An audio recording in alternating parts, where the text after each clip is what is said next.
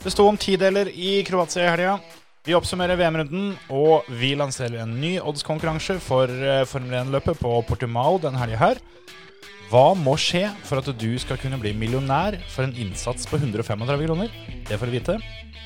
Og hvem kommer til å få flest runder på banen av Bernt Mailender og Nikita Maspin? Alt dette her, pluss en aldri så lita bursdagsfeiring, er det du får i denne ukas episode av Føremøtet. Yeah.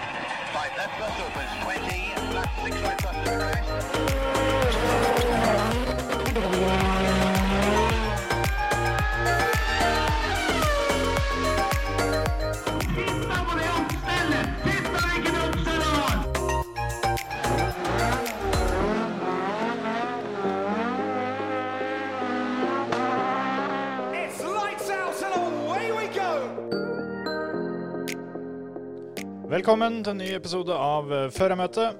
I dag er vi alle sammen her, så da gidder jeg ikke engang å rope dere opp. Nei vel. Så sånn er det. I dag skal vi eh, kikke litt på hva som eh, skjedde i Kroatia i helga.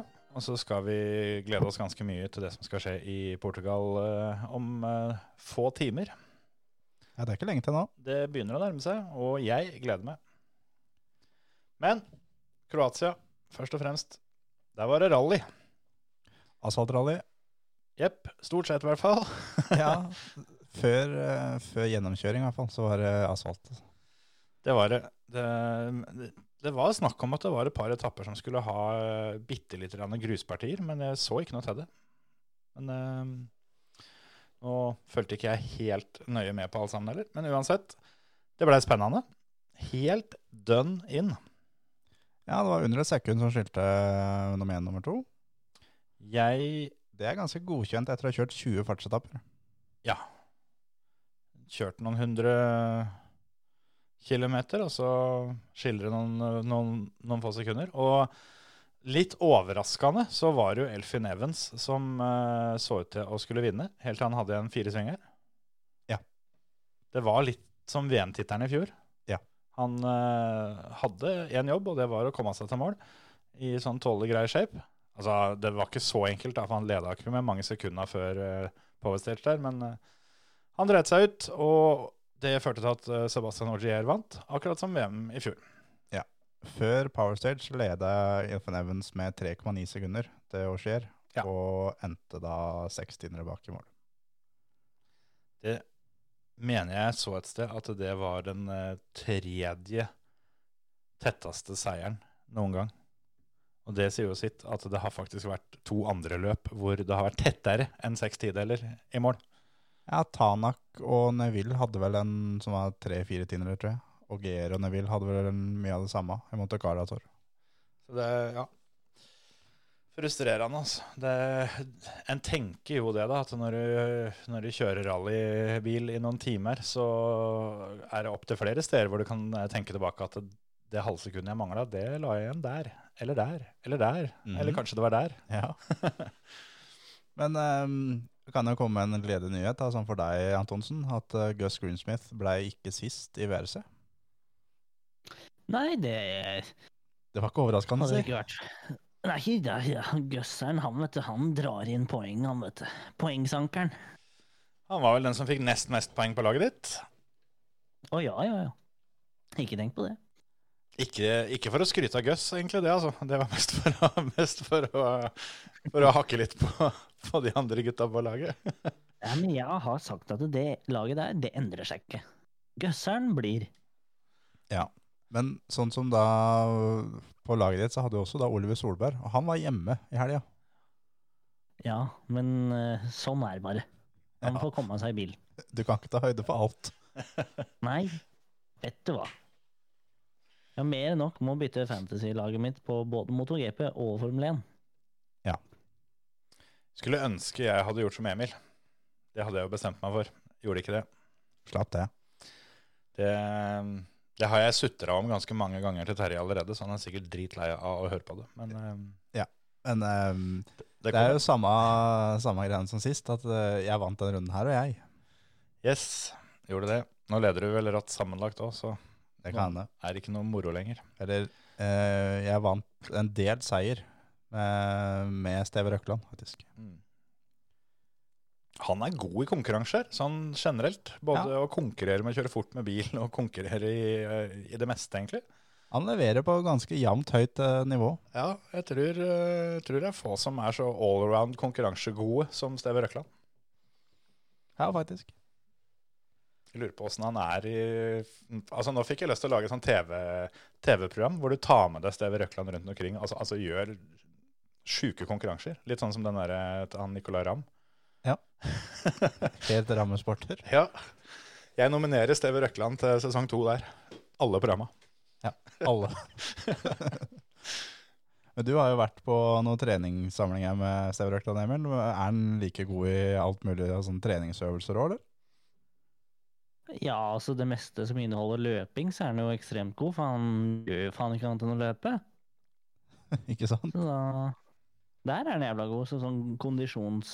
Altså alt som inneholder kondisjon, der er den ganske god. Så er den relativt god til å kjøre òg, da. Så, Ja, nei, det, det er plundrete å delta i konkurranser hvor han er med. Det har vi jo sett flere ganger nå.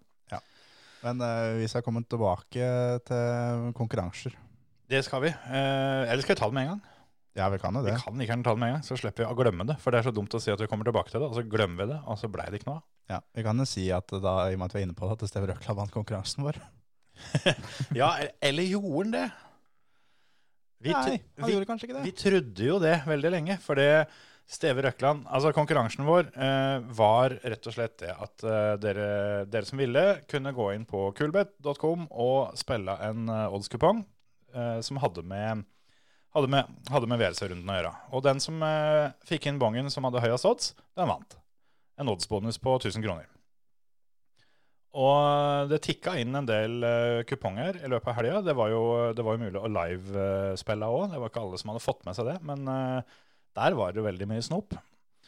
Og ganske tidlig så kom det inn fra Steve Røkland en bong. Han hadde rett og slett, eh, før løpet starta, satsa penger på at uh, Otanak skulle bli nummer fire eller fem. Jepp. Fjerde- eller femteplass, og kun det. Til 3,90 i odds. Ja. Og som vi har snakka om før, hvis uh, Tanak er med i uh, et rallyløp og stiller med en bil som er sånn tålelig i orden, så er han favoritt hver gang. Stort sett, i hvert fall. Ja. I hvert fall eh, eh, om Ja. Men det, var jo akkurat sånn det gikk, da. Han, eh, han var vel jevnt på fjerdeplass fra start til mål omtrent. Så um, vi var ganske sikre på at det der er, eh, er vinneren vår. Og det spillet er så sjukt at det fortjener å vinne òg. Men Det ble ikke sånn, gitt. ble ikke sånn. For um, Marius eh, Koksvik, som for øvrig leder fantasyligaen vår i Formel 1, han ehm, sendte plutselig en melding at han hadde ramla utpå rallyoddsen. Det har han aldri drevet med før. For det han også fælt, det der, altså. for, Ja, for, for han sendte en melding da etter eh, Formel 1-løpet ehm, som var forrige helg. Ja. At han hadde jo spilt. Han hadde bare glemt å si fra til oss at han hadde spilt. Ja, stemmer. Og der eh, Han hadde vunnet den konkurransen. For han fikk inn en på sju i odds i det forrige Formel 1-løpet. Ja, da hadde han vunnet ganske enkelt. Ja, men det glemte han å si fra om. Men nå var det konkurranse igjen, så da ramla han ut på rallykjøret, da. Og han fikk inn eh, et spill på SS13, at Neville skal vinne den, til 4,50 i odds. Ja. Og um, dro med seg ganske mye penger eh, på det spillet. Og det er jo da eh, enkelt og greit. Det er, vinner, eh, det er vinnerbongen denne gangen. Det blir vinnerbongen, det. Og det er jo litt fortjent, da, i og med at vi dobla jo premien denne gangen. For det, det som ingen vant, vant forrige helg, ble dytta inn til denne helga. Så siden det var han som egentlig vant forrige helg, Yep. så er det jo rett og rimelig da, at det er han som uh, tar den denne gangen. Så det eh, er bare å gratulere, rett og slett. det. Fortjener en liten applaus, gjør det ikke det? Jo. Ikke stort mer. Det, jeg ser på alle disse kupongene som jeg leverte, så var eh, det høyeste jeg klarte å få inn, var 2,85 jods. Det var også at Nuvil skulle vinne ei etappe. Så han valgte ei bedre etappe enn meg, rett og slett. Rett og slett. Men vi syns at det spillet til Steve Røkland var så bra at vi syns han skal få premie, han òg. Så derfor så eh, er vi rause og slenger ut en 500 kroners oddsbonus til Steve Røkland nå. Det gjør vi. Og sånn kommer det til å bli framover. Men da får Marius Koksvik og Steve Røkland hva er det de skal gjøre nå for å få denne bonusen? Eh, nei, da må de ta Sette seg ut og vente på bedre vær, eller? Ja, nei, da må de eh, finne fram mobilkamera, og så må de sette på sånn bikkjefilter på, på, på Snapchat. Og så må de, må de da filme seg sjøl mens de hinker på ett bein og synger en sang. Gjerne um, den derre Superbowl-låta til Mario S, eller? Ja, da, da det, det er helt greit. Ja. Så sender du den eh, til, til oss, eller Terje. eller, eller til alle på lista di. Det er én måte å få premien på. En annen måte er rett og slett å sende oss en, eh, en melding med navn og um, Uh, ID-nummer, er det det det heter? Skal jeg ta og sjekke det lynende raskt, hva de trenger? Vi må ha fullt navn og brukernavnet på Kulbeth, rett og slett. Send det i en melding til oss, så mm, kommer det bonus her. Da kommer det bonus. Da får dere penger på Kulbeth-kontoen som dere kan bruke til å være med i neste konkurranse. For vi skal ha oddskonkurranse når helga kommer på Formel 1. Ja. Det, den tar, tar vi litt etterpå. Fikk du inn noen spillere, Emil? Gjorde det, vet du. Jeg eh, var så smart, jeg, at eh, jeg spilte på eh, oddstipset våres. Ja, Og det var jo head to headen med Craig Breen mot uh, Kalle Roland-Pere. Ja, den gikk inn, den. det stemmer det. Tok 400 meter, Ja. så, så hadde den gått inn. Ja, det var jo fryktelig enkle penger, da. Men det var jo surt for fantasyen min, da. Men allikevel. da. Jepp. Jeg spilte akkurat det samme, jeg òg, og uh, fornøyd med pengene. Ikke så fornøyd med at jeg bytta ut Breen med Kalle på Fantasyen i siste lita, og tapte på den måten. Ja. Men, men. Jeg var jo nesten heldig med en uh, lita Gus Greensmith uh, livebet også. For jeg ble jo lura inn i den jævla Den fella der. livebet-seksjonen, jeg også. ja. Og da, da var det jo bare å få spilt litt, da. Og der eh, Der eh, satsa jeg jaggu på at eh, Greensmith skulle ta den head to head med Forma på SS4. Og der var han jaggu faen ikke langt unna. Det var vel et par tideler, tror jeg. Det skilte ett tiendedel mellom Formå og Greensmith på SS4. Ingen har vært nærmere å nesten vinne penger på Gus Greensmith enn det du var der, Emil. Det er sjukt. Ja da. Men eh, ellers så så var det Så prøvde jeg meg på en eh, liten uh, Thierry Neuville-totalen, tota, totalen, men eh, den gikk ikke inn. Jeg heiv meg på det toget der sjøl. Jeg hadde skikkelig trua på Thierry Neuville. Og hadde annet ett spill jeg var skikkelig fornøyd med. Det var at han skulle vinne flest fartsprøver. Men eh, jeg skal jo innrømme at jeg hadde ikke gjort så jævla mye forarbeid eh, der. For jeg trodde at den eh, som leda etter fredagen, skulle starte først på lørdag. Det stemte jo ikke helt. da. Nei, Så slapp det. han, Nei. han slapp å vinne flest prøver. da. Men det var så vidt. Det var så vidt. Det, var så det var likt mellom han og Gier før Powerstage, var det ikke det? Eh, jo, jeg tror det. Jeg er litt usikker på åssen det var, for jeg tror Augier hadde et par delte etappeseirer. Men uh, jeg vet ikke om de dømmer eh, en av de foran på tusendeler eller et eller annet sånt. Men uh, det kan hende i hvert fall at det sto 6-6 mellom han og Auger før Postage. Men den vant jo Auger uansett, så. Ja. Så sånn var det. Det så jo litt lovende ut en stund, da, for det florerte jo en liten video på dette interweben en stund. Tenker du på Augier? Tenker på Augier, vet du. Han var rett og slett ute på raggen. Ute og ragga litt i byen, han. Se, der står guttene. 'Jeg kommer, jeg kommer!'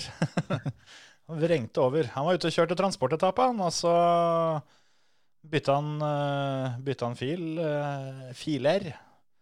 Mm. Og bak der så, så kom det en BMW, da, og de eh, Han i BMW-en var litt gira på å kjøre om kapp noe, egentlig, for han lå eh, i bussfeltet.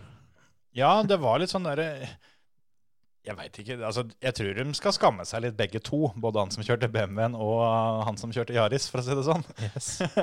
yeah. Men uh, hva han BMW-en drev med For han kom fra djupet og tok en ganske heftig divebomb inn på, inn på busslomma der. Og skrella av det ytterste laget av en Toyota, Toyota Yaris VRC. Og så ble han stående igjen sjøl.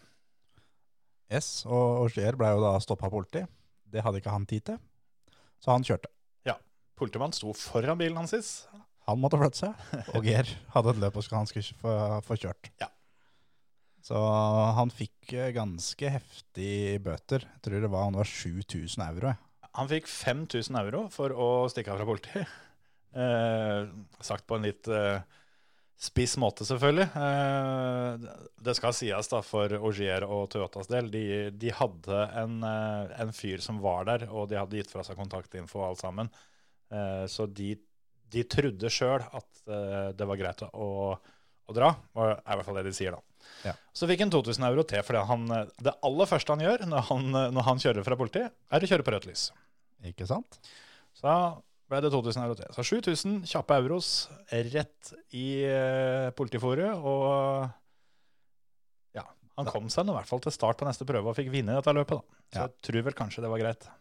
Men jeg ble litt imponert over det greiene der, sånn, for det, når det der som da etter det smalt, så kom det mye støv og drit inn i den bilen. Det, det var de da klare over at det her Det kjente de sikkert på transporten på vei til neste, neste prøve, at det her, her blir det mye greier.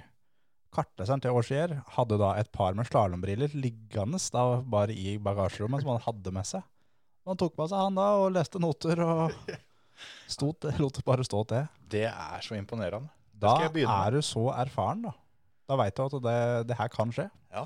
Ikke, det, ikke det at jeg kan bli påkjørt av en bil så døra mi revner, det var ikke det. Nei. Men det er heller det at det, vi kan miste frontruta eller ei rute. Det er kanskje derfor de har med seg.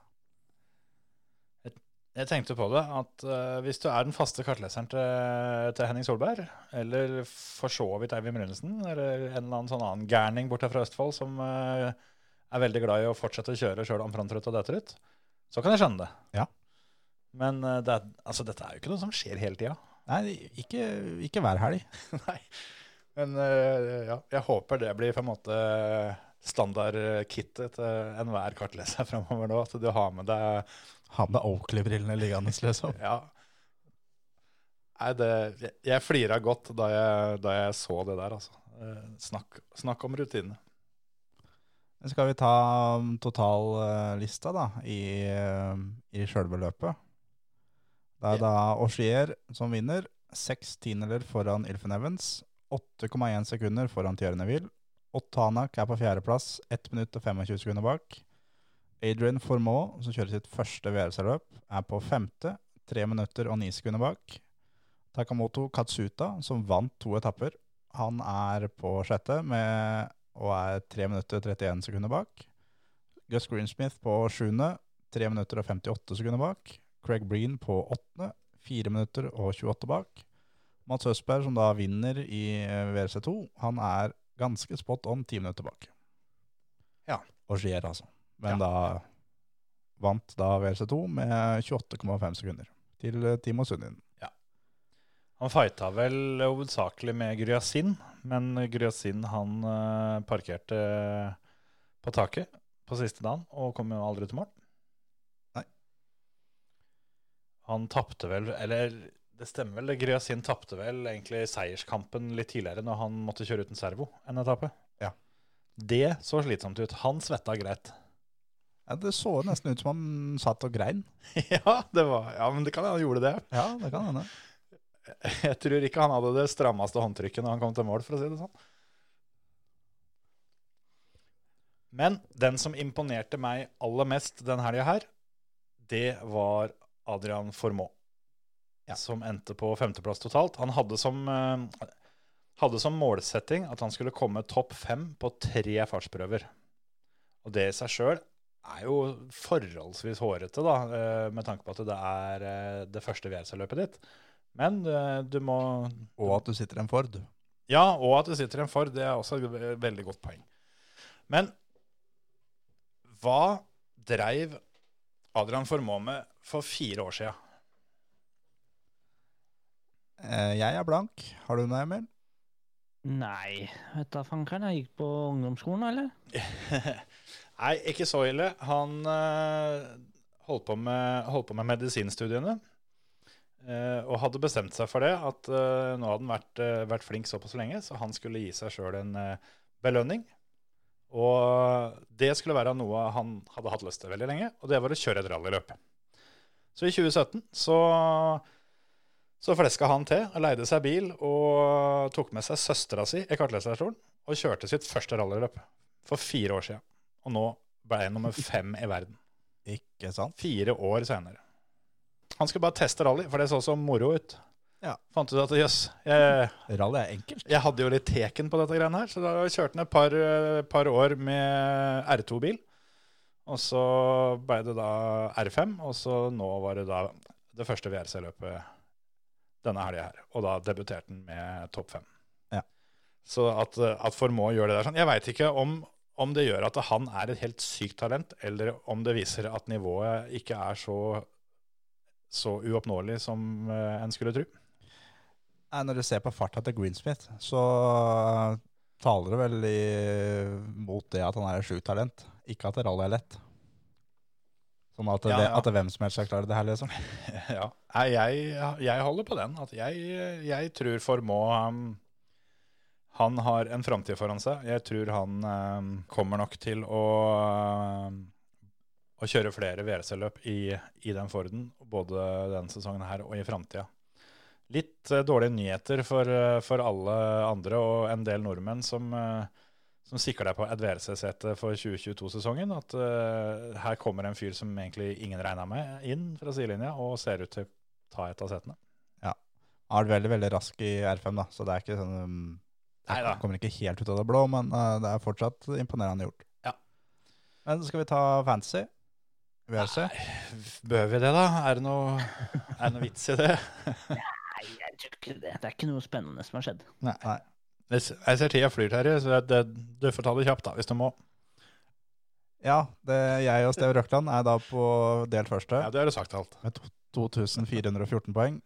Chris Mikael Rom Bjorvann på tredje med 2412. Han er to poeng bak. To Og- poeng? To poeng bare. Å, fy faen.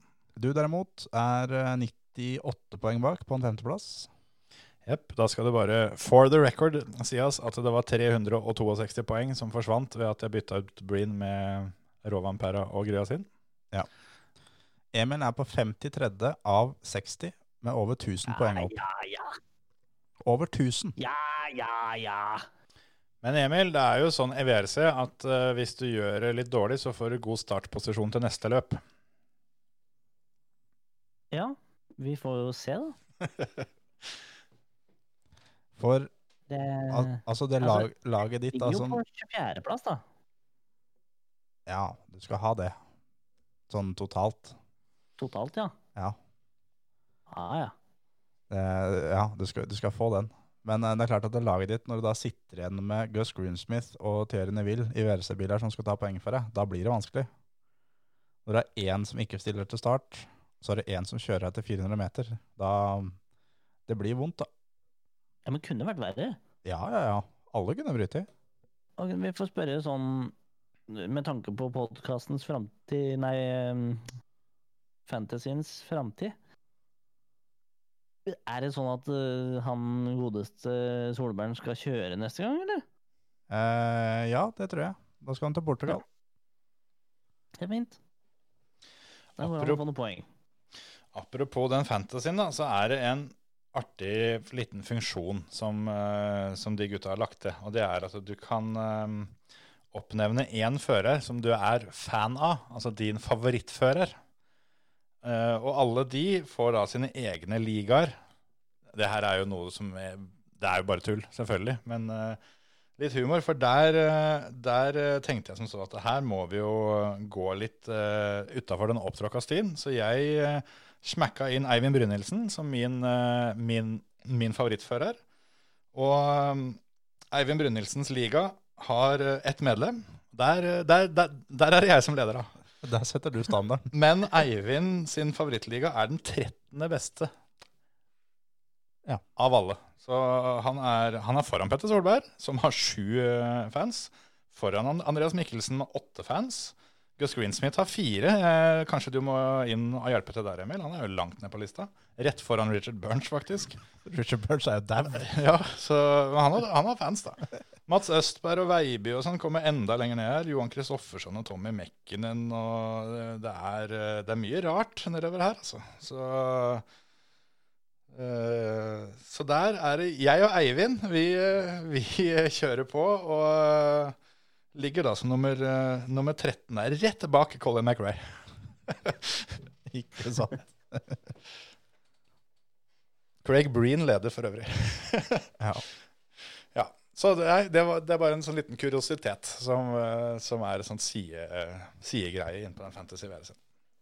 Men der er da, for dere som ikke fikk vært med denne runden her, så går du på fantasyvrc.com, og så går dere og lager et lag, og så går dere inn eh, på Join League, og det er liga-ID 44. Og slå inn den, så Yep. er dere med der. Og vi teller da runde for runde, og så det gjør ingenting om ikke du har fått vært med på de foregående rundene. Det er eh, helt gratis, og det er eh, det gjør at det blir enda mer moro å følge med på løp, for da tenker du at nei, helsike, han der hadde jo jeg. Enda mer moro og enda mer frustrerende.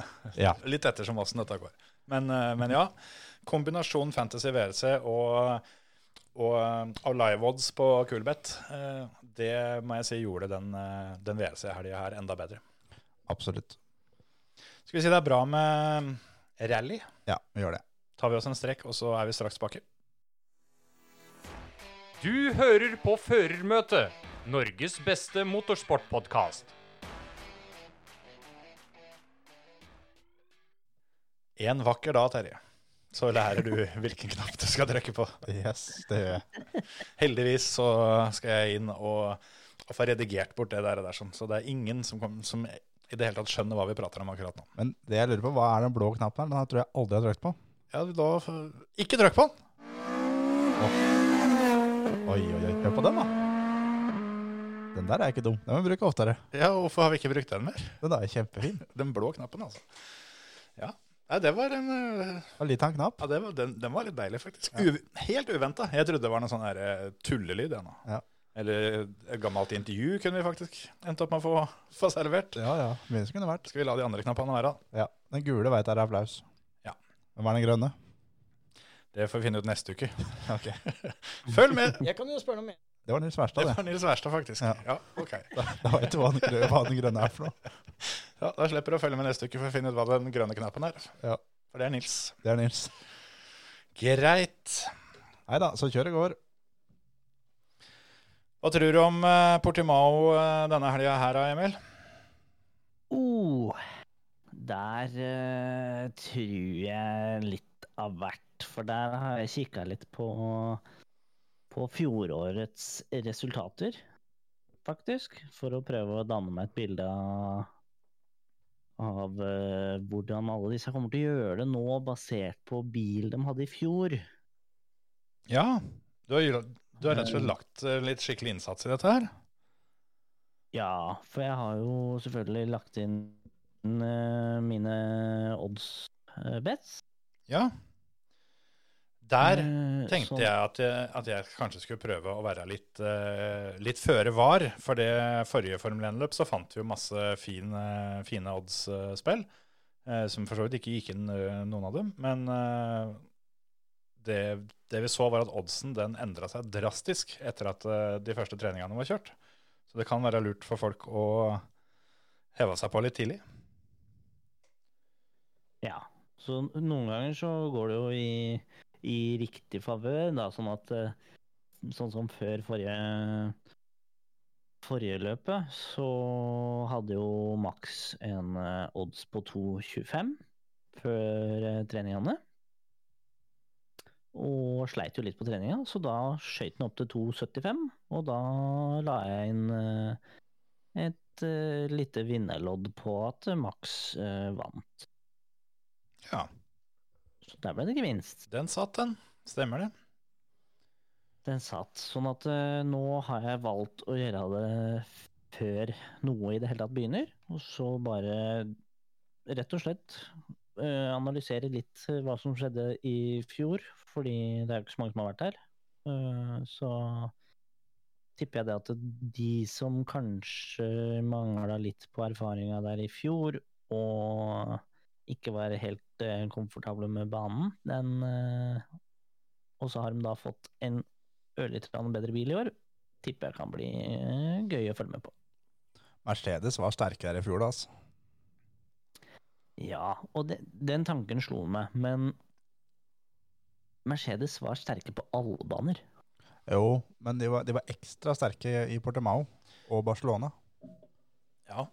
Altså eh, du, du sier jo noe der, men allikevel så Så var det ikke store greiene som skilte Mercedes og Red Bull på qualifying. Var det ikke på Portimao i fjor at Hamilton eh, dro på ei ekstra runde i Q3 og tok pole med det som egentlig ikke skal gå an? Nei, eh, han tok jo pole med tiendedel. Ja, og så kom Bottas og, og, og, og var kjappere, men så, men så var Hamilton eh, ute på cooldown, eh, eller pit in, in-lappen sin, og så feis han eh, en, en hotlap til og tok pole tilbake, var det ikke sånn? Jo, de kjørte vel kanskje to, eh, to løp der, skal vi se.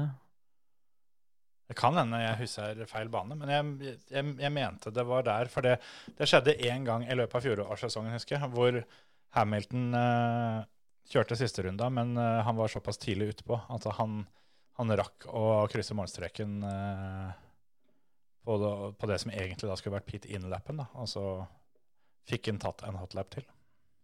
Ja, jeg husker, jeg husker det sjøl, men jeg husker jo ikke sjøl hvem bane det var på. Så egentlig det eneste jeg har gått ut ifra, er egentlig eh, det løpet som var 23.-25. oktober. Og da tok Hamilton i hvert fall pole med et tiendedel. Da var det den, tror jeg. altså. Og, og så var eh, Bottas to tiendedeler foran Verstappen, bare. Ja, ikke sant. ikke sant. Ja, Da var det ganske close, altså. Nå var det jo i oktober, da, og det, eh, mot slutten av sesongen så ble, eh, ble Red Bull ganske sterke i fjor. Så Ja, så det, jeg har en liten knapp på Red Bull fortsatt, for det er jo dem jeg tross alt har valgt å, å satse på i, i alle mulige former i hele år. Så at eh, jeg, jeg tror jo at Max har fått litt momentum her, og vi fortsetter med det. mm. Det er som jeg snakka om før, sjøltillit er kanskje det viktigste du har i motorsport. Ja. Sånn at øh, Men jeg har sett på litt mer morsomme ting, da. Sånn som type øh, De har jo en del morsomme odds de kan spille på, sånn som første førstetreninga, for eksempel. Ja. Hvem vinner første trening? Og Bare for å ha sagt det, alle treningene der i fjor vant Bottas. Han vant første, andre, tredje trening. Mm. Bottas vant Q1, Q2, Hamilton Q3. Ja, det var på en måte egentlig Bottas vant Q3 òg, men det var den der ekstra lappen som eh, kom fra ingen steder. det stemmer, det. Så Bottas står til fem i odds for å vinne første trening, og han står til ni i odds for å vinne kvaliken og ti i odds for å vinne løpet. Det her er jo på det tidspunktet vi spiller inn, men eh, episoden kommer ut før første trening, så vi forventer ikke at den har endra seg så veldig mye. Her Nei. er det vel et spill som det går an å heve seg på, tror du ikke det, Antonsen? Jeg har satt Bottas til å vinne førstetreninga, fordi han er jo kjapp på treningene. Det er han jo hvert eneste løp, egentlig. Ja, han er det. Og så er det altså Bottas som har jeg si, en god del erfaring med herjing med bil i Finland, og litt rallyerfaring, og sånn, så er Portimao er det nærmeste de kommer herjing med bil. Ja, faktisk. Faen for en rå bane, altså. Jeg gleder meg så sjukt mye til å se. Det er det kuleste enkeltøyeblikket i, i hele Formel 1, er akkurat når bilen bare dukker opp rett før målet der. Ja. Det er så fett. Men jeg syns òg, med tanke på farta til McLaren eh, i de to tidligere løpa, at at Landon Norris med 21 odds på første trening Ja. Det er fristende med en eh, ørliten innsats der, altså. Ja, den er ikke så dum, den, faktisk. Jeg var litt innom eh, tanken på den. Uh, eneste er at uh, han uh, Han hadde jo for så vidt under andre treninga, ja, så var han nummer tre. Åtte tiendedeler bak. Mm. Sånn at han har jo hatt fart der, men så liksom på alle de andre treningene, så er han et godt stykke bak. Altså, han Jeg tror Det- han er hva si, Formel 1s eh, svar på Emil Antonsen. At det å kjøre trening, det er ikke så sikkert vitsen med å ta i alt en kan der. Det er først når eh, qualifying kommer at det er på tide å begynne. Ja. Så jo det forrige helg, i hvert fall. Ja. Og Det der har gjentatt seg gang på gang med akkurat han, og akkurat sånn var Emil når han kjørte òg. At det å få Emil til å kjøre fort på en trening var bare dritig. Ja, ja men det jeg, jeg ser poenget, da. Er det du skal liksom Det blir jo litt sånn som det han som eh, står og, eh, står og pisser, det. At det, det er ikke noe vits at han skal stå der og dra ut meter på meter bare for at han skal imponere hun som står ved siden av. det er ikke da det gjelder, liksom. Nei. Jeg prøver å drikke, jeg, gutter. Ja, nei, det er bare å forsyne seg. Men det er et poeng, altså. Det er et poeng Ja, at uh, Men det gjør jo kanskje at uh, å spille, uh, spille Norris til å vinne første trening ikke er noe vits i, da. Jeg savner litt en sånn derre topp tre qualifying. Det er kun vinnerodds på qualifying. Der Ja. føler jeg at uh, Leclerc til 40 Nei, ja, både han og, han og Lando står til 41. Men ingen av de tar pole, tror jeg. Jeg tror ikke det, selv om han hadde bra fart for hjelm, Så jeg vet ikke om han, om han har det i både Eller egentlig mest i bilen, for jeg tror at han er rask nok til å kunne ta pole eh, i framtida. Men med den bilen tror jeg er litt for mye å be om. Du så det forrige helg, når han, eh, når han satt eh, på mange måter en optimal runde og hadde starta tre. Så jeg tror Ja, det og er det var jo med at, at uh, Verstappen også dro av på Ja. runden sin. Så det er for langt opp for den eh, gjengen der. Men uh, jeg syns definitivt det derre øvre midtfeltet, da, med, med Landon Norris, Charles Leclerc, uh, Gasly, Sainz, Ricardo, den gjengen der sånn. uh, det er mye interessante spill som er kanskje litt safere, da. eh, som igjen eh, du får en på oddsen òg, men å spille et par utvalgte av dem til å komme topp seks i løpet, f.eks. Får du Av de jeg nevnte, da, så er 1,50 den laveste oddsen. Mens du får eh, fra 1,50 til 2 i, i odds, da. Det er jo alltid, alltid noen som ikke kommer seg til mål. Det er det. Men ja. det, er, det er det å ha litt nese for akkurat det. Jeg, jeg, jeg mener å huske at Gassly var ganske kjapp eh, på um, Portimao i fjor. To i odds for at han med fem. Ja, ikke sant? To i odds for at han mm. blir nummer seks den gangen her. Jeg syns jo Mm. ikke bilen hans eh, ser noe dårligere ut enn han var i fjor. Jeg har, sånn apropos han, så har jeg et spill som jeg nesten kunne tenkt meg å spille litt på. Det er at uh, Sonoda skal slå Gasly i løpet til 2,80. For jeg syns Sonoda har, eh, har ikke vært så bra på kval. men Han har vært veldig, veldig bra i løp. Mm. Og mm, den kvalen kommer til å bli bedre og bedre etter hvert. Så si at han kan starte i nærheten av Gasly. Så tror jeg, altså head to head da, med Gasly og Sonoda i løpet, at um, Sonoda har ganske um, greie sjanser der. Samme med Science og, og Charles, at det er 2,80 på Science til å ta Leclerc i løpet. Ja. Det er morsomt du sier det, for det er nemlig neste spill på lista mi. Og det er head to head med uh, Leclerc og Sainz. Ja. Og der har jeg gått for Sainz, faktisk. Ja, i løpet. I løpet, ja. Eh, Qualifying så tror jeg han blir tatt av Leclerc, for han er vanvittig sterk på qualifying. Mm, helt enig. Ble nummer fire der i fjor, faktisk. Mm. Men uh, den utviklinga som Science har fått med Ferrarien, så tror jeg jaggu han kommer til å pelle den på nesa nå. Ja. Så jeg tenker at det er litt morsomt spill å følge med på. Ja, og der igjen da, så har jo den, eh, den uh, fine fordelen med at den type spill som det der, der sånn, gir, gir deg som uh, TV-titter en ekstra liten fight i fighten. da. At det, Du gir deg sjøl flere deler av løpet og, og følge med på alt det her. sånn. Og det, der òg kan du si, da, eh, for de som ikke, ikke henger helt med på det, men hvis du spiller begge de to, Terje, både at Sainz skal slå, slå Leclerc og at Tunoda Tsunoda skal slå Pierre Gasly, begge står til 2,80 i odds. Hvis du setter 100 kroner på, på hver av de, Mm. og bare én av de går inn, så tjener du fortsatt penger. Ikke sant? Da har du selvfølgelig også den mulige oppsida med at begge kan gå inn. Ja.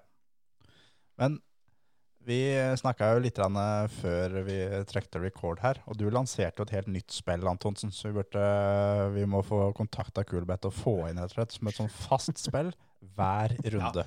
Men dette her er jeg helt med på, faktisk. For at vi var inn, inne på det sist med en del litt sånn tullespill. Det kan godt hende at vi får til det utover, utover sesongen òg. Men, men dette her er faktisk et helt reelt, eh, et helt reelt spill som kan funke, altså. Jeg hadde satt penger på det hver gang. Ja, det, men der, der kan du se. Så her er det bare, bare å få det rett inn, så, så blir det spilt på. Få høre, Antonsen. Hva var ideen din her nå? Nei, ideen min er jo det at eh, At uh, det burde vært en en eh, liten odds på hvem har flest runder av Bernt, Bernt Mailander og Nikita Masipin. Ja, det er fantastisk. Bernt Mailander, for dere som ikke vet det, han kjører safety car. Yes. Han kjører kun ut han- når det er krasjing. Ja, og det er jo litt av poenget mitt, at han kommer jo bare ut når det smeller. Og det smeller jo som regel fordi at Masipin står i grusen.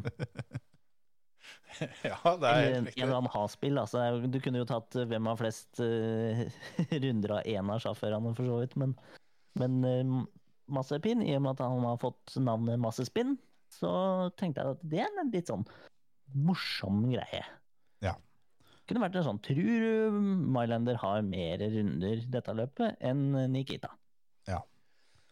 Og bare som for å ha sagt det, da. Oddsen på at Massepin vinner løpet. Vi kødda med at oddsen på Greensmith uh, forrige helg var uh, latterlig høy. Den var på 100 eller noe sånt. Den var 200 eller Ja, 500 kanskje, Ja. men det blir blåbær i forhold. Ja. Det, um, oddsen på Maspin er 751.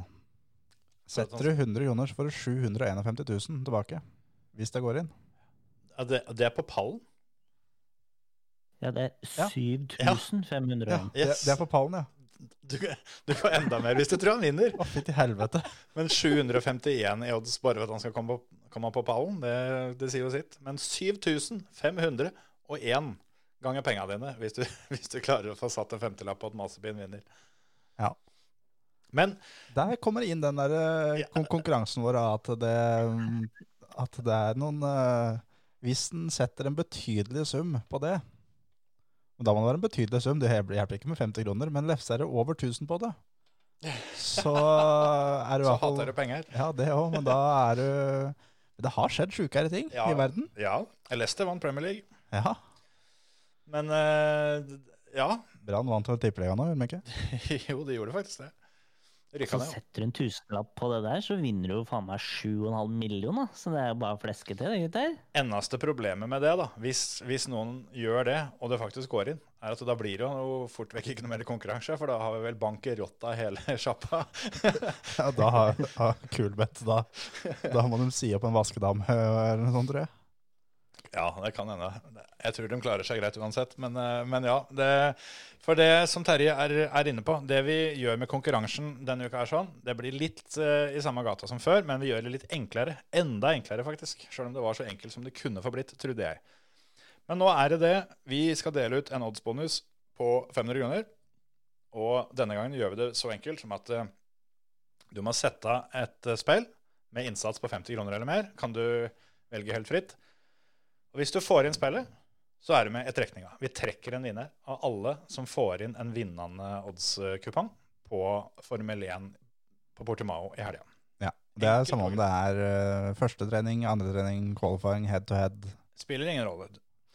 Og eh, så har vi en femdelapp til i, i baklomma som vi antageligvis skal dele ut, men det kommer litt an på dere. For der gjør vi det sånn at eh, hvis det er noen som har et spill som utmerker seg. Så, så blir det premie.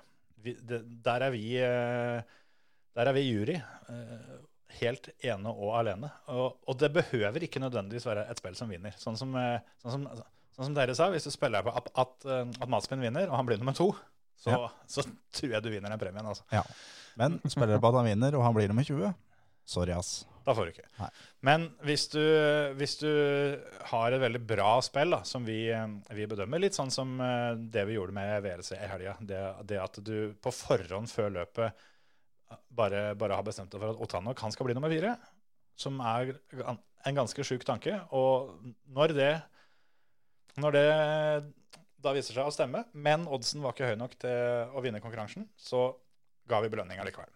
Og sånn er det her òg. Hvis du hvis du finner et eller annet spill som, eh, som vi, vi tenker at dæven, her uh, har du baller som har spilt det spillet, eller dæven, han har tenkt på et eller annet veldig lurt her. Du kan godt legge med en liten forklaring òg, hvis du vil det. For du må, du må, du må dele et eh, screenshot av bongen din i, uh, i tråden på Facebook-sida vår. Eller sende på privatmelding. Ja, du, du kan det òg. Så der er det da altså to ganger 500 kroner i premie som eh, er up for grabs. Skal for øvrig nevne det, da, at eh, oddsen, eh, apropos Bernt Mylender og safety car Du kan faktisk, du kan faktisk tjene penger på Bernt. Okay. Du får 1,55 i odds på at Bernt må i aksjon. Safety car, ja, 1,55 i odds. Og så kan du få 2,30 i odds på at Bernt han har tøflene på bordet hele søndagen. Jeg lekte litt med tanken på et rødt flagg forrige løp, og det ble jeg ordentlig forbanna da jeg så kom. ja, ja det, det ble jeg òg, men det var ikke fordi at jeg, at jeg vurderte å spille på det. Jeg ble mer sånn generelt forbanna for at jeg syns timinga var så idiotisk perfekt for Hamilton. Men Ja. det er jo litt sånn da, ut ifra oddsen her, da, så at det De tror jo at ikke det blir rødt flagg i løpet. For det er 1.09 på nei, og så er det 6 på ja. Mm. Men jeg tror det blir uh, i det minste virtual safety car.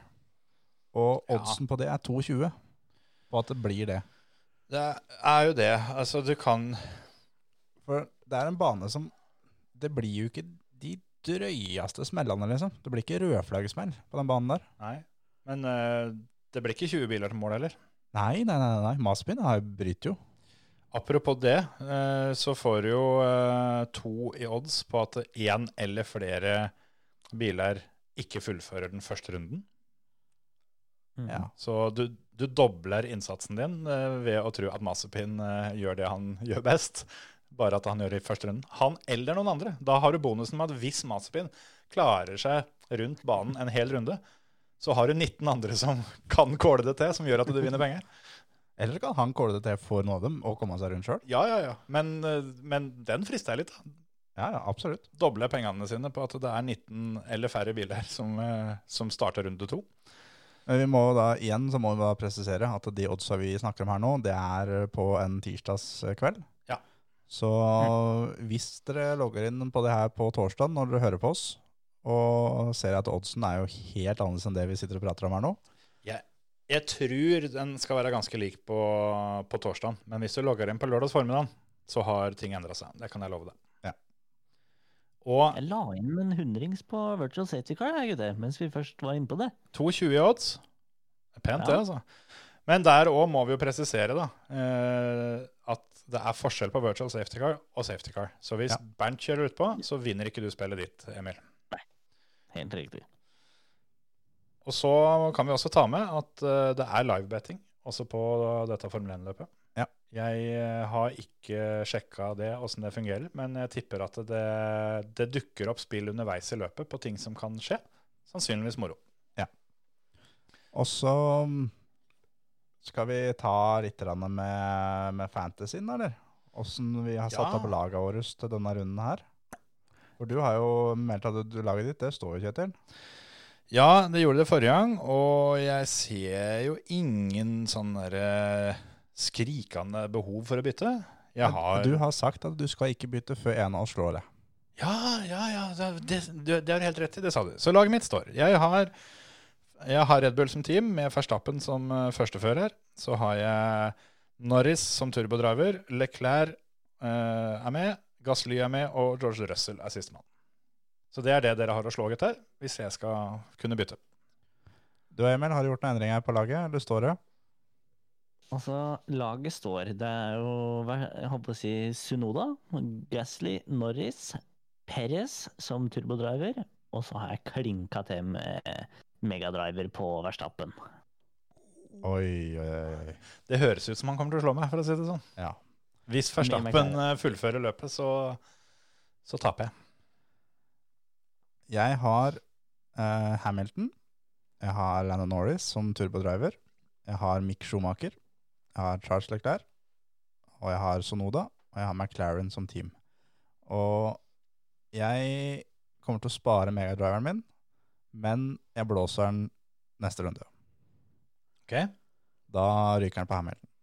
Da skal de til Barcelona, eller? Ja. Ja. Høres jo ikke dumt ut, det. Er det, er det uansett, sjøl om, selv om eh, Verstappen eh, er, er best i helga òg? Det er det. For Hamilton vinner på Barcelona. Han gjør det. Ok, Så enkelt er det. Så enkelt er det.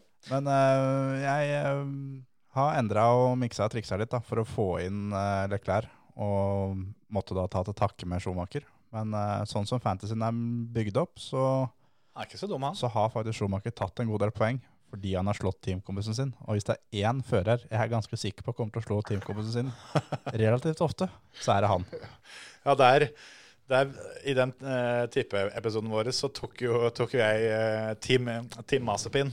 Men det var jo også poengtert litt for å, at ikke vi skulle være enige. Men jeg, jeg skjønner jo hvem vei den høna sparker, for å si det sånn. Den sparker uh, lukt åt helvete, for å si det pent. Rundt i ring. Ja. Men eh, jeg må jo si at eh, ting går jo framover da, når du faktisk eh, tar grep for å få inn Charles Leclerc på laget ditt. For det er lenge siden du har hatt trua på han. Ja, det er det. Men um, det var egentlig litt fordi at Emil har så mye Red Bull. For jeg, kunne, jeg kan ha Perez. Og jeg hadde han inne, men uh, jeg blåste faktisk et bytte for å få han ut igjen og inn med, med Charles for å, Ja. For å få det litt ulikt. Og jeg syns at uh, Ferrari har sett mye bedre ut uh, så langt i år enn det jeg hadde trodd på forhånd. Ja, det, det, er, det er ingen tvil om. De ligger omtrent der jeg tippa dem. Ja. Du, du skulle jo ha dem kjempelangt ned, så vi, uh... Vi var ganske enige der, Kjetil, på at det, det så lyst ut. Ja, jeg tror du hadde det vel som fem, og jeg hadde den som fire. Og så tror jeg Terje var nede på en sånn sjette-sjuendeplass. Så Hvis ikke den var ti. ja, fort vekk ti. Nei, vi, vi, vi var ganske enige eh, om at A skulle bli nummer ti. ja.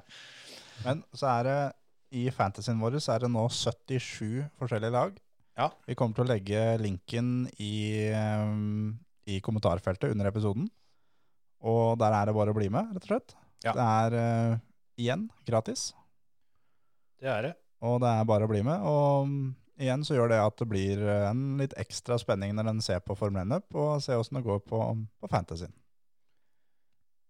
Jeg syns i hvert fall det er litt moro. Og det, det er jo litt sånn derre På en måte litt irriterende, da. Men eh, for min del er det jo er det vesentlig verre med fotballen. For der, der er jo favorittlag av den slags. Det, det har jeg jo ikke i like stor grad når, det- når det gjelder motorsport. Men, eh, men det at eh, at favorittlaget ditt eh, på en måte slipper inn et mål, da. Og så, og så tenker du at ja, ja, men det var jo ikke så ille, for jeg hadde jo ingen forsvarere derfra. Ikke sant? Det, det er jo en, en litt sånn ødeleggende greie, men uh, akkurat, akkurat for motorsporten av Formel 1 og sånn, så, så syns jeg det er, uh, er helt nydelig, faktisk. Når det er en fight om uh, åttendeplassen, og du har, har, har han som ligger bak av ditt der, Du på en måte heier mer på at han skal komme seg forbi enn en hva som skjer oppe i toppen der. Sånn. det, det er gøy. Nei, det blir, eh, det blir kult, altså. Endelig er vi i Portimao nå. Endelig er det for Formel 1 igjen. Det er nesten så jeg syns det har vært lenge siden forrige gang, som det bare har vært en helg uten. Ja, de kommer jo løp ganske tett, da. Det skal kjøres 21 ganger til. Ja, ja, ja. Det kjøret kommer til å gå, det her nå. Det blir ikke mange frihelger. Skal de rett til Barcelona uka etter, eller er det fri, fri imellom? Vet du det? Skal vi se 6. mai skal de til, til Barcelona. Det er eh, rett på, med andre ord. 20. mai skal de til Monte Carlo. Ja, og der har jeg sett eh, Der har de bygd uh, tribuner og kosa seg noe fælt. Der, der kjørte de historisk løp nå i helga. Ja, det gikk ikke så bra. Det var eh, eh, Jeg holdt på bilen til Nicolauda er jo nå da full av skader. Var det Trulli som kjørte den? Jeg tror det var Adrian Sutil. Ja, ja det, det kan ha vært flere. Det var Sean Alesi. Alesi var det. var, var det var. Jeg visste at det var en av de her eh, tidligere, tidligere heltene. Bulka foran og bak. Oh yes. Nikki vrei seg i grava. Han bulka den bilen. Han er Jo, jo, jo. jo. mer enn én en gang. Jeg, jeg, jeg tror ikke han vrei seg i grava for at det, han ble krasja, var at det gikk litt smått fram til det smalt. Men uh, ja. Herregud, for noen biler. Ah, Fytti helvete. Herregud, for noe størrelse på ballene de har hatt før, altså når de har ja, kjørt det der flatt. De hadde ikke fått plass ned i den der cockpiten i dag, de der ballene der. Nei, nei, nei. Men bare, bare det mener jeg gjør hele den der diskusjonen om tidenes beste fører og sånn, den er helt umulig. For det, det går ikke an å sammenligne den gjengen som kjørte der uten alle, alle mulige hjelpesystemer, med H-giring og drit. Uten servo og alt. Ja, alt det der sånn mot, eh, mot dem som nå, nå kjører og, og kan kjøre med ei hand. Ja. Det, det er ikke sammenlignbart. Det er to forskjellige idretter, rett og slett. Så Ja, så enkelt er det. Ja. Skal vi si at det var det med Formel 1, eller? Så. Strekker litt på beina. Skal vi se om jeg treffer den rette knappen, for det er en av de røde. prøv den som er til høyre. Det var den. Det var den. Fytti helsike. Riktig knapp, ikke verst. Ja. Men vi har jo kjørt løpet i helga, Antonsen. Vi har vært ute på raggen, da, vet du. Ta Nei, oss igjennom eh, hvor- hvor vi har vært og åssen dette her sånn gikk. Nei, vi har jo da vært på Nordsløyfa og kjørt uh, 24-timeren. Offisielle til uh, iRacing. I år som i fjor. Som hel... Ja, ja, ja. Men i en annen bil, da. I år enn i fjor. En bil som går litt treigere, men jeg tror dere kom fortere til mål. Ja, det tror jeg. Eller dere brukte 24 timer omtrent denne gangen, men dere fikk kjørt lenger. Ja. Vi var eh, Hjula rulla mere. Og- Absolutt. Og i år Eh, så var hjula i kontakt med asfalten så godt som hele løpet. Ja. Dere det var, var eh, dere, eller det var vel Aluminous Racing som, eh, som satte opp en bil, hvor dere to kjørte, sammen med en gjeng gærninger til. Ja, nei, det var jo uh, ingen ringere enn uh, Håkon Ask, Tor Gunnar Hagen, Preben Valle og Øystein Herfjord som var med å kjøre sammen med oss. Og eh, vi kosa oss, vi, gjennom, eh, gjennom 24 timer. Ikke noe problem. Kom ordentlig i dytten etter hvert og seila rett og slett ifra. Jeg vant vel med nesten tre minutter. Vant kvalen, vant løpet. Ingen, Og Ingen, ingen større uhell. Nei, vi hadde vel eh, to små turer i veggen, men det, mm, det var færre enn i fjor. Ja, det var færre enn dere hadde første timen i fjor. Yes.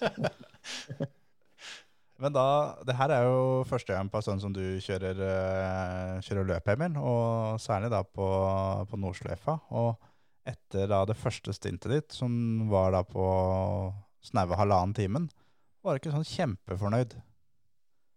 Så forbanna lenge siden jeg har sett deg, eller hørt deg. Ja, jeg kjenner jo litt på følelsen bare du prater om det nå, men eh, Nei, jeg fikk det ikke til å stemme i den der jævla bilen. Eh, det føltes som jeg kjørte ei handlevogn. Eh, ingenting klaffa. Traff ikke noe Apexer. Og denne berømte karusellen som var der, kjøpte jeg billett til, i hvert fall en 10-11 ganger.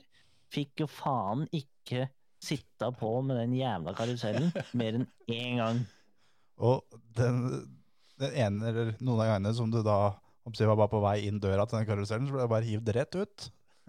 Jeg prøvde alle mulige, mulige varianter. Jeg prøvde å hoppe på mens han var i fart. Jeg prøvde å hoppe av først, og så hoppe inn igjen. Eh, nei, jeg blei altså så misbrukt av den banen der første stintet mitt, og hadde en jævlig natt. Jævlig resten av dagen, egentlig. Det var bare Nei, det var, ikke noe gøy. Men det stemte litt bedre når du fikk sove litt på det og kom tilbake igjen på morgenen. Ja, men du veit jo åssen det er, da. Det er jo Altså, det er få memes jeg faktisk eh, kjenner meg sånn skikkelig igjen i. Men den der at dama ligger ved siden av deg i senga og tenker å, herregud, hva er det han tenker på nå, liksom? Tenker han på noen andre? Og så, og så ligger jeg der og tenker Apex, bremsepunkter. Karusell. altså. Ja, jeg veit hvem du mener. Den uh, spot on. Og var, jeg tok meg sjøl i det, at uh, hun Jeg spurte hva, hva er det du tenker på, så Nei, nå ligger jeg og tenker på eh, Altså racing lines. Nå, nå går jeg gjennom banen i huet. Og vær stille, det er 170 svinger igjen. Ikke snakk til meg, jeg starter ved karusellen. Det er, Nei det er jo en eh, om, om det først skal komme ut av, ut av flowen av rytmen, så er vel kanskje Nordsløyfa det verste stedet. Ja, men den der, når du, du bare kjenner at det er ikke dagen, det er ikke dagen i dag, og du har over en time igjen i bilen på den jævlig lange banen Uff. Ja, forbanna, altså. Og så er det fem andre med òg, så du kan liksom ikke bare drite i det heller.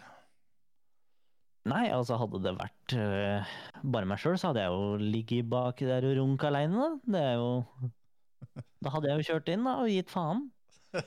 Men det var, eh, for jeg skulle da ta over for deg og kjøre neste stint. Og da, etter noen få runder, for skjønte jo at det her, eh, her er ingenting som stemmer. Så da eh, fikk du grunn valget om eh, Nå kan du enten velge å spare litt bensin, sånn at du får kjørt ti runder. Eller så kjører du det tempoet du er nå, og så kjører du ni, og så blir det ferdig litt før. Og da tok det ikke veldig lang tid før det ble svart at jeg, jeg tar ni. Jeg tar ni. Ja. Det var best for alle. Jeg er fortere ferdig, og dere kan begynne å kjøre fortere litt før. ja. Nei da, det var um, Det gikk fint. Det, um, vi leda første stint, og Emil datt litt nedover med det problematiske stintet hans. Og så henta jeg oss opp til ledelse igjen, og der lå vi i grunn til vi var ferdig. Var det du, du som uh, satt i bilen når, uh, når det smalt midt på Døttingerhøet der? Ja, det var meg. Den, den må du fortelle litt om. Ja, Det var jo da over Døttinghøet, som er da den lengste langsletta som er omtrent. Ja, den, det må være verdens lengste eh, strekke på en, en rundbane. Ja, noe sånn. Og da Det her var um, på lørdagskvelden, som uh, Håkon Ask sa det at um, han visste ikke helt om han følte seg trygg på å kjøre i mørket, for da det på trening så hadde det gått drit. Han spurte om jeg kunne ta det, og det kunne jeg jo. Så da lå vi nummer fire etter, for vi var i pitten litt før de andre. Vi kjørte en litt annen, eh, annen eh, fuel-strategi på det løpet der.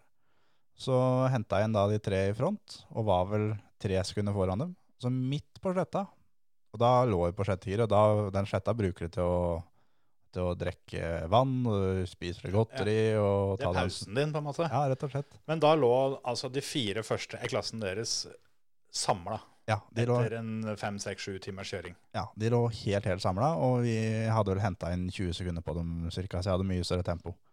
Midt på sletta da, mens jeg da drikker saft, så ser jeg bare en svær røyksky foran meg. Og da tenkte jeg liksom for meg sjøl skal jeg holde flatt? Og så sier han, nei, jeg, jeg kjører på lag med noen andre. Ok, jeg bremser ned. Jeg roer helt ned. Og trilla bare forbi. Da sto det to mann i autovernet, og en som bare så vidt putra bortover på én sylinder av fire. Og sistemann kjørte jo da fullt. Så da Da slo liksom Jeg husker jeg rakk å tenke at det Hadde jeg kjørt aleine nå, så hadde jeg holdt helt flatt, og så hadde jeg håpa det hadde gått bra. Men eh, Ja, altså, hadde det vært eh, et sprintløp som, eh, som hadde vart i tre-fire runder, så hadde, hadde du også gjort det. ja, ja, ja. Når du hadde en trekvart tre kvart døgn å hente inn det tapte på, så var det nok en bra strategi å gå av gassen. Så da var løpet over da, for, eh, for, to, nei, for tre av dem. Så mm, fikk vi da henta inn han som kom seg unna det. Og det skal sies at uh, ut ifra sånn som jeg så situasjonen, så var det han som kom seg unna, som både var skyld i det, og egentlig fikk den hardeste smellen. Ja. Og han fikk ikke noe skade på bilen, og bare tøffa videre. Ja. Hei, hei. Harder! Det var ganske sjukt, altså. Han dryla den der Audien i autovernet i jeg vet ikke hvor fort det går, det, 240 km i timen eller noe. Ja. Og så kom det en og Så kjørte den gjennom, altså da fysisk igjennom. Ja, ja for det, det kom en bil bakfra, for han hadde jo da sendt en annen bil til helvete, som igjen da traff en tredje bil som spratt og bare airborne bortover, som landa oppå den første bilen. Jep. Bare børsta det av seg, kjørte videre. Mista ikke en kilometer toppfart. Nei, nei, nei. Det er helt sjukt, altså. Um, det var, eh, det merka jeg altså da, vi merka det egentlig på alle sammen, at eh, når vi kjørte løpet her i fjor, så var det det første lange løpet vi kjørte, var jo akkurat det løpet her, for et år siden. Og nå så var vi liksom litt mer, eh, litt mer erfarne. Nå, vi tok ikke noen sjanser, vi visste at vi hadde tempo alle sammen, og kunne på en måte, um, når vi hentet igjen andre biler i klassen vår, da, i stedet for å kjøre forbi dem og sånn, så lå vi heller bak dem og sparte bensin og kjørte bare tempoet deres, for jeg visste at uh, de skulle pitten uh, før oss, og, eller på et annet tidspunkt enn oss. Så når de da gikk inn i pitten, så kunne vi da kjøre fullt, og vi kunne kjøre én runde mer enn de andre. Og, og sånn, så det var um, ekstremt bra lagarbeid, det, det, det løpet her. Sånn, altså. Men det var nå en gang sånn at uh, det var vel Øystein som tok seg av, av nattevakta, stort sett. Ja, Øystein og Preben. Ja, Preben eh, var vel omtrent på eh, alle de 24 timene. Preben kan vel si at han tok, tok seg av vakta. Ja. Preben var på vakt, og så var det andre innom. Men eh, når denne bilen eh, skulle triumfere over mål eh, til seier etter 24 timer med, med slit og moro, så, så gadd ikke du å se på, Terje. Nei, eller gadd jo, men eh, jeg var litt opptatt, for da hadde da dere arrangert en surprise bursdag for meg. Som, for jeg hadde da bursdag på søndag. Det hadde du. Gratulerer med dagen. Takk for det. Takk for det. 30 år. Ja. Takk, takk, takk. Så eh, det var ikke det at jeg ikke hadde lyst til å se på, men eh, jeg, jeg var litt opptatt. Ja, så både målgang i 24-timeren og Power Stage i VRC. Powerstage så vi. Der Ja. kom du bort med en telefon. Ja, jeg, jeg snikkikka litt på den. da. Du, du, du var litt mer midtpunkt enn meg, så det hadde sett litt teitere ut hvis du sto med, oppe med mobilen. Ja. Men når jeg skjønte at det her står det faktisk om ti deler, så måtte jeg bare, bare fram med den. Men eh, i og med 30-årsbursdag og alt sammen, så har jeg nemlig spart en lita gave som jeg tenkte du kunne få nå. Å dæven. Live? Live. Nå snakker vi. Skal vi se her.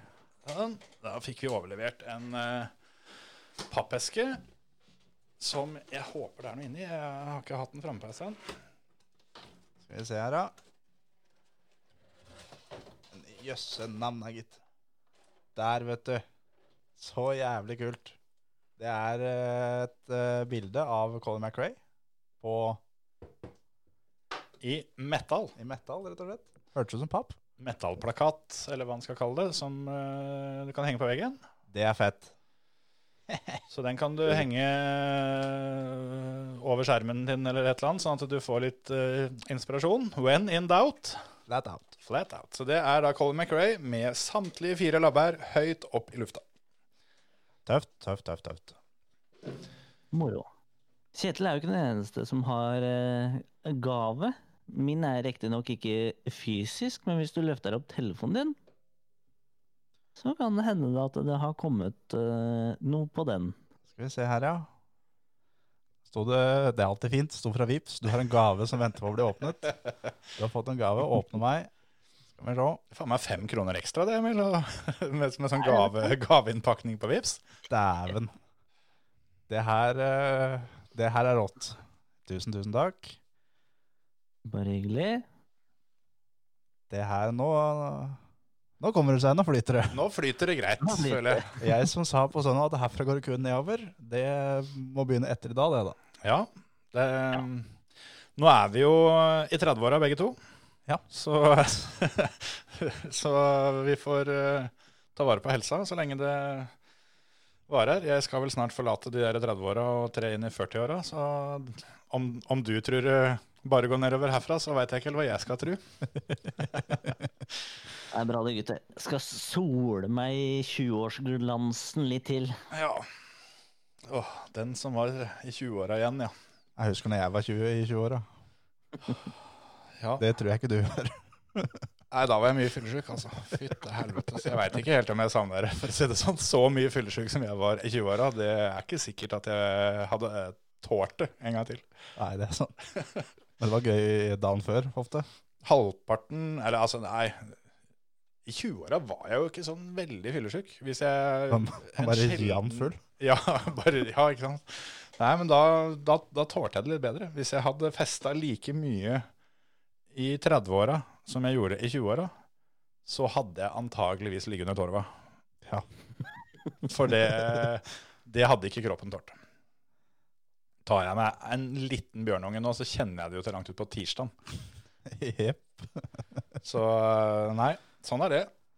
Moro å bli gammel. Skal vi si at det var det, da? eller? Jepp. Da får vi ta, ta som bjørnunge, og så snakkes til uka. Ja. Da trykker vi på den blå knappen, da. Ha det! Ha det. Hei.